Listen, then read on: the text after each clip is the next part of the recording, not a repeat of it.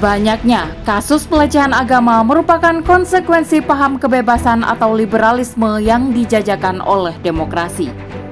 Kebebasan berpendapat dan bertingkah laku menjadi landasan orang berbuat semaunya.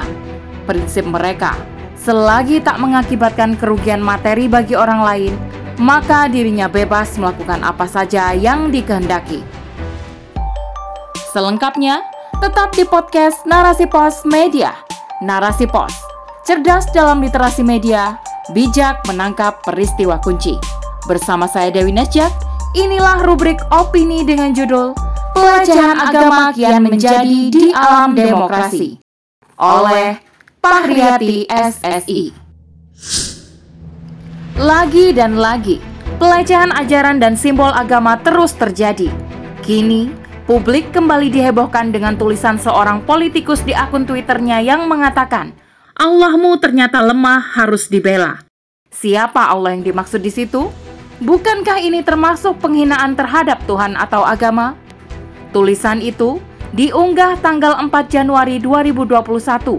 Meskipun tak berapa lama setelahnya unggahan itu dihapus, sang politikus meminta maaf dan mengklarifikasi jika tulisan itu adalah dialog imajiner dalam dirinya, tak bermaksud menghina agama tertentu. Namun pertanyaannya, jika itu dialog imajiner, mengapa harus dituliskan di media sosial yang tentu diakses banyak orang? Ini bukan kasus pertama. Di sepanjang tahun 2021 atau tahun-tahun sebelumnya, kita mendapati banyak kasus pelecehan agama khususnya terkait Islam. Misal, ada yang mengaku sebagai nabi ke-26, ada yang terang-terangan menghina Rasulullah wasallam atau menuduh beliau dengan fitnah yang keji. Ada pula yang melecehkan Al-Qur'an atau menjadikan sholat sebagai lelucon. Dan tak sedikit yang kemudian menuduh ajaran Islam sebagai pembawa paham radikal, bibit terorisme, dan sebagainya. Hanya sedikit di antara pelakunya yang mendapatkan hukuman sebagian besar melenggang dengan bebas. Apalagi ketika pelakunya dekat dengan pemilik kekuasaan. Padahal pernyataan mereka jelas mengarah pada pelecehan agama juga menimbulkan kegaduhan di tengah masyarakat. Cukup dengan meminta maaf, kasus dianggap selesai. Bahkan ada yang menganggapnya bukan kesalahan. Maka tak heran jika kasus serupa terus berulang. Kondisi ini berkebalikan dengan kasus yang menimpa beberapa ulama. Ketika mereka berceramah terkait keyakinan agama, ada saja yang memprotesnya. Mereka dituduh menghina ajaran agama lain. Apalagi ketika mereka bersuara atau memberikan kritikan kepada penguasa, sering kali dicari celah untuk memperkarakannya. Pada akhirnya, beberapa ulama harus mendekam di dalam penjara. Banyaknya kasus pelecehan agama merupakan konsekuensi paham kebebasan atau liberalisme yang dijajakan oleh demokrasi. Kebebasan berpendapat dan bertingkah laku menjadi landasan orang berbuat semaunya. Prinsip mereka, selagi tak mengakibatkan kerugian materi bagi orang lain, maka dirinya bebas melakukan apa saja yang dikehendaki. Kerugian itu pun bersifat relatif sesuai dengan pikirannya masing-masing. Maka, lahirlah kebebasan yang bablas tanpa batas. Paham kebebasan ini sendiri terlahir dari rahim sekularisme, yakni pemisahan agama dari kehidupan. Agama tak lagi menjadi tolak ukur benar dan salahnya sebuah perbuatan. Agama hanya dipakai di ranah individu, dibahas di tempat ibadah atau sekolah agama. Adapun dalam kehidupan umum, hukum yang berlaku berdasarkan kesepakatan manusia. Padahal kita tahu, keputusan manusia bergantung pada maslahat atau keuntungan apa yang bisa didapatkannya. Ditambah realitas bahwa akal manusia jangkauannya terbatas. Kemampuan menilai baik buruknya sesuatu juga terbatas. Inilah yang kemudian membuat hukum manusia yang diterapkan sering multitafsir dan tumpang tindih kepentingan. Wajarlah jika kemudian pelecehan dan penghinaan agama terus terjadi di alam demokrasi. Mereka menganggap sah-sah saja berpendapat, meski menyinggung agama tertentu. Ketika diprotes, mereka berargumen bahwa tak semua orang harus punya keyakinan yang sama. Perbedaan pendapat harus diterima, Pemikiran seperti ini tentu berbahaya karena berpotensi menimbulkan perselisihan.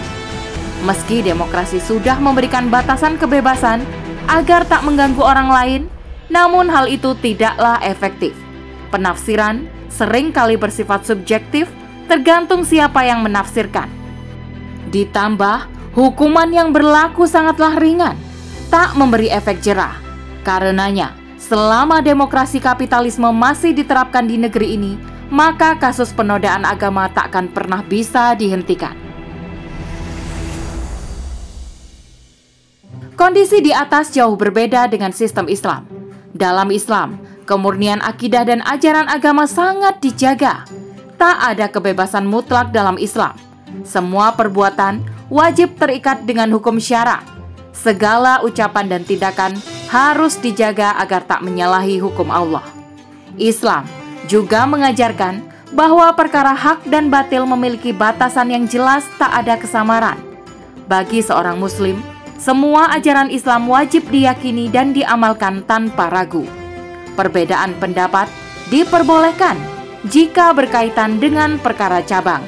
Adapun dalam perkara akidah dan hukum syariat yang sudah jelas, maka tak boleh ada perbedaan. Jika ada penyimpangan, pelakunya dikenakan sanksi. Adapun terhadap pemeluk agama lain, mereka hanya didakwahi untuk mengenal Islam. Jika mereka menolak, tak ada paksaan untuk masuk ke dalam Islam. Karena dakwah adalah mengajak bukan memaksakan. Oleh karenanya, dalam sistem Islam, setiap pemeluk agama tetap dibiarkan menjalankan keyakinannya masing-masing tanpa saling mengganggu ataupun mencampur adukan ajaran. Namun, jika ada yang melakukan pelecehan agama, mereka juga akan dikenakan sanksi. Islam memandang segala bentuk penghinaan simbol yang disakralkan agama maupun penyimpangan terhadap ajaran agama adalah sesuatu yang diharamkan. Segala perbuatan dan pernyataan yang melecehkan agama, baik disampaikan di muka umum ataupun melalui media, termasuk yang dituangkan dalam karya tulis ataupun konten di media sosial, semuanya akan ditindak dengan tegas. Pelakunya diberi teguran hingga bisa dihukum bunuh. Inilah bentuk penjagaan negara terhadap agama. Ketegasan ini telah dicontohkan oleh Khulafaur Rasyidin maupun khalifah setelah mereka. Di masa kekhilafahan, umat beragama bisa hidup berdampingan tanpa saling mengganggu. Penerapan sistem Islam secara menyeluruh oleh negara khilafah terbukti mampu menjaga kemuliaan Islam dan kaum muslimin sekaligus melindungi agama yang lainnya. Hal ini juga akan menghindarkan konflik sosial di tengah masyarakat. Maka terciptalah kehidupan yang rukun, aman, damai, dan penuh berkah. Lantas, masihkah ada keraguan untuk menerapkannya? Wallahu a'lam bishawab. Demikian rubrik opini kali ini. Sampai bertemu di rubrik opini selanjutnya. Saya Dewi Najak undur diri.